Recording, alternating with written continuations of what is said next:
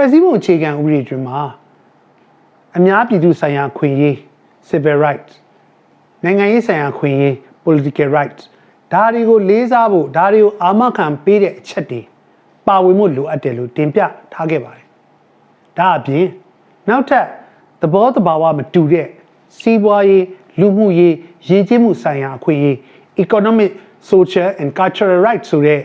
အမျိုးအစားကိုလည်းဖွဲ့စည်းပုံအခြေခံဥပဒေမှာ ပါဝင်ပြီးရေးဆွဲ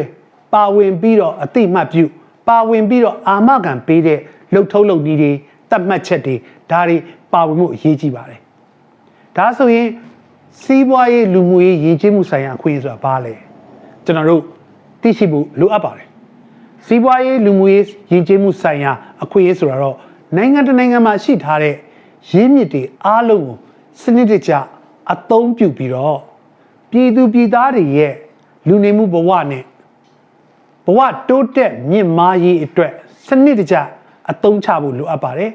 ပြည်သူလူထုကိုဒီရင်းမြစ်တွေအသုံးချပြီးတော့အမြင့်မားဆုံးလူနေမှုဘဝအမြင့်မားဆုံးအကြောင်းအရာတွေဘဝအခြေအနေရရှိဖို့အတွက်အဆင့်လိုက်အဆင့်လိုက်ဖြည့်ဆည်းပေးရတဲ့အခွင့်အရေးကိုစီးပွားရေးလူမှုရေးရည်ကြည်မှုဆိုင်ရာအခွင့်အရေးလို့ပြောလို့ရပါတယ်ဒါဆိုရင်ကျွန်တော်တို့ဥပမာတစ်ခုလောက်ကြည့်ကြည့်အောင် လူတိုင်းမခွဲခြားဘဲနဲ့ပညာသင်ကြားမှုလိုအပ်ပါတယ်ပညာသင်ကြားမှုကကျွန်တော်တို့အမြင့်မားဆုံးရရှိနိုင်မှုအတွက်ကြိုးစားရမယ်ဒါဆိုလို့ရှိရင်တော့ခုနကျွန်တော်ဖော်ပြထားတဲ့စီးပွားရေးလူမှုရေးယဉ်ကျေးမှုဆိုင်ရာအခွင့်အရေးတစ်မျိုးလို့ပြောလို့ရပါတယ်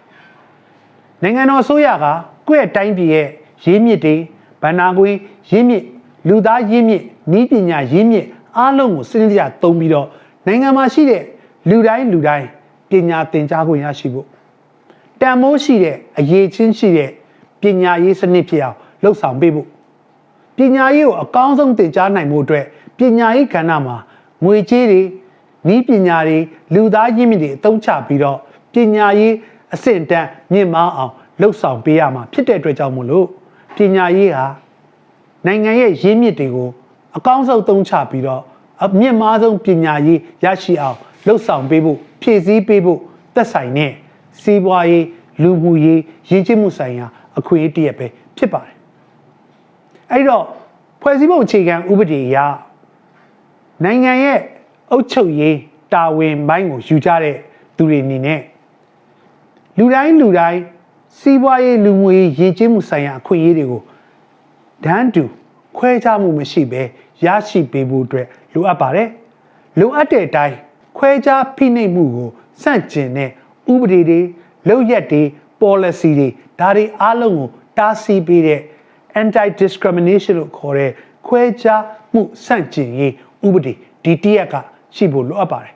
ဒါမှသာဒီဥပဒေကဖွဲ့စည်းပုံအခြေခံဥရဲ့မူဝါဒမှာပါထားတဲ့ခွဲခြားမှုစန့်ကျင်ရေးကိုလှုပ်ဆောင်နိုင်မယ့်အပိုင်းပဲဖြစ်ပါတယ်ကာကွယ်မှုအခန်းကဏ္ဍမှာတော့ခွဲခြားခံရတဲ့လူမျိုးစုတွေ လူအုပ်စုတွေအခုချိန်ထိရှိတော့မှာဒါကြောင့်မလို့စီးပွားရေးလူမှုရေးရည်ကြည်မှုဆိုင်ရာ အခွင့်အရေးတွေကိုလှုပ်ဆောင်တဲ့အခါမှာပညာရေးမှာခွဲခြားမှုမရှိဖို့ကျန်းမာရေးအခွင့်အရေးရရှိခံစားမှုမှာခွဲခြားမှုမရှိဖို့အလောက်ကင်လှုပ်ဆောင်တဲ့နေရာမှာလည်းခွဲခြားခြင်းမရှိဖို့ဖွံ့ဖြိုးတိုးတက်မှုအခွင့်အရေးတွေခံစားတဲ့အခါမှာလည်းခွဲခြားမှုမရှိဖို့အတွက်အဲ့လိုလူမျိုးတွေအဲ့လိုမျိုးအုပ်စုဝင်တွေအဲ့လိုမျိုးကျွန်တော်တို့လူရန်စားတွေကို အထူးကာကွယ်ပေးတဲ့အထူးဥပဒေလည်းလိုအပ်တာရှိပါတယ်အဲ့တော့အမျက်ထုတ်မှုတွေရပ်တန့်နိုင်တဲ့ဥပဒေသူတို့ပေါ်မှာခွဲခြားပြီးတော့အကြမ်းဖက်တဲ့ဥပဒေဒါတွေကိုကျွန်တော်တို့ပြဋ္ဌာန်းပြီးတော့ကာကွယ်ပေးဖို့လိုအပ်ပါတယ်ဒါအပြင်ဒီလိုမျိုးစနစ်တွေဖြစ်နေတယ်စီးပွားရေးလူမှုရေးရည်ကြည်မှုဆိုင်ရာမှာအခွင့်အရေးတွေကိုကျင့်သုံးတဲ့အခါမှာအမှန်တကယ်လိုအပ်တဲ့သူတွေကိုရရှိနိုင်ဖို့အကျိုးကျေးဇူးခံစားနိုင်မှုအတွက်အဖွဲ့အစည်း ဌာနဒါတွေကိုဖွဲ့စည်းပြီးတော့ထိန်းညှိပေးတာစောင့်ကြပ်ပေးတာလိုအပ်ရင်အရေးယူတဲ့အပိုင်းကိုလှုပ်ဆောင်ခြင်းကတော့အစိုးရရဲ့ကာကွယ်ပေးမှုဆိုတဲ့အပိုင်းနဲ့သက်ဆိုင်ပါလိမ့်မယ်နောက်တစ်ခုကတော့အစိုးရရဲ့နောက်တာဝန်ဖြစ်တဲ့ဖြည့်ဆည်းပေးခြင်းအပိုင်းဖြစ်ပါတယ်အဲ့တော့နိုင်ငံတော်မှာရှိသမျှသဘာဝရင်းမြစ်တွေရှိပါလိမ့်မယ်လူသားရင်းမြစ်တွေရှိပါလိမ့်မယ်ငွေကြေးရင်းမြစ်တွေရှိပါလိမ့်မယ်အဲ့ဒီရင်းမြစ်တွေကိုကျွန်တော်တို့နေခုနလိုခွဲခြားမှုတွေခံနေရတဲ့သူတွေဖွံ့ဖြိုးတိုးတက်မှုနည်းနေရတဲ့သူတွေ သူတို့ကိုဦးစားပေးပြီးတော့ယာယီအထူးလှုပ်ဆောင်ခွင့်ပ ပညာသင်ကြားခွင့်မှာသူတို့ပါဝင်နိုင်အောင်အုပ်ချုပ်တဲ့နေရာမှာသူတို့ပါဝင်လာအောင်ဒေသန္တရဖွံ့ဖြိုးရေးမှာဒန်းတူအခွင့်အရေးတွေမကဘဲနဲ့ဒန်းတူညီမျှမှုเนาะအကြောင်းအရာတွေရရှိဖို့အတွက်ဥပဒေရပြဋ္ဌာန်းပေးတဲ့အရာတွေအထူးစီမံချက်တွေလှုပ်ဆောင်ပေးတာလိုအပ်ပါလိမ့်မယ်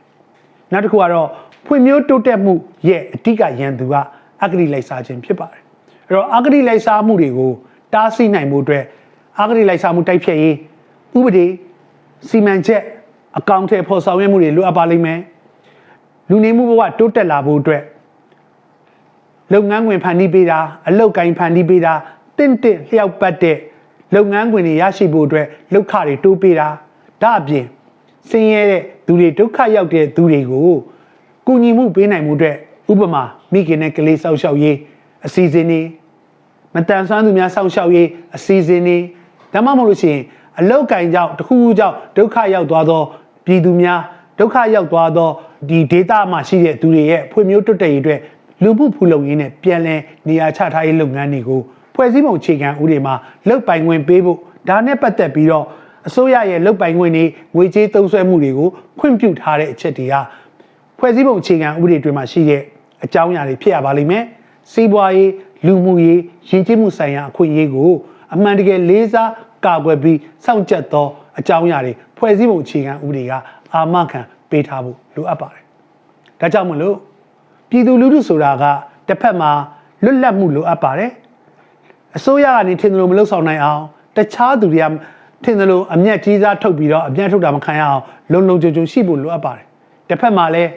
နိုင်ငံသားတွေကလူသားတွေပဲဖြစ်တယ်။အဲ့ တော့သူတို့ရဲ့စီးပွားရေးမြင့်တင်မယ်သူတို့ရဲ့လူနေမှုကမြင့်တင်ပေးခြင်းကလည်းတိုင်းပြည်ရဲ့ဖူလုံမှုအသီးပွင့်ကိုခန်းစားခြင်းဖြစ်ပါတယ်။အဲ့တော့တစ်ဖက်မှာလုံခြုံခွင့်ရှိတယ်လို့တစ်ဖက်မှာဖူလုံခွင့်ရှိဖို့လိုအပ်ပါတယ်။ဖူလုံခွင့်နဲ့ပတ်သက်လို့အစိုးရအနေနဲ့အာမ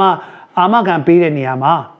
ပြည်သူလူထုခံစားပိုင်ခွင့်အရေးလိုအပ်တဲ့ကဏ္ဍတွေမှာငွေကြေးရင်းမြစ်တွေအသုံးချဖို့အတွက်ဖွဲ့စည်းပုံအခြေခံဥပဒေမှာဖော်ပြထားလိုအပ်ပါလိမ့်မယ်။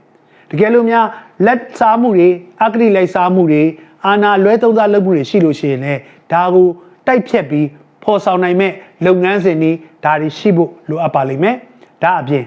ပြည်သူလူထုတွေလိုအပ်တဲ့အချိန်မှာလိုအပ်တဲ့ကဏ္ဍအလိုက်တိုင်းပြည်ရဲ့ရင်းမြစ်တွေကိုချိုးချံချွေတာပြီးအသုံးပြုနိုင်တဲ့လှုပ်ထုံးလုပ်နည်းတွေကိုဖွဲ့စည်းပုံအခြေခံဥပဒေမှာဖော်ပြထားဖို့ခွင့်ပြုထားဖို့အာမခံပေးထားဖို့အတွက်အထူးအရေးကြီးလာပါတယ်ခင်ဗျ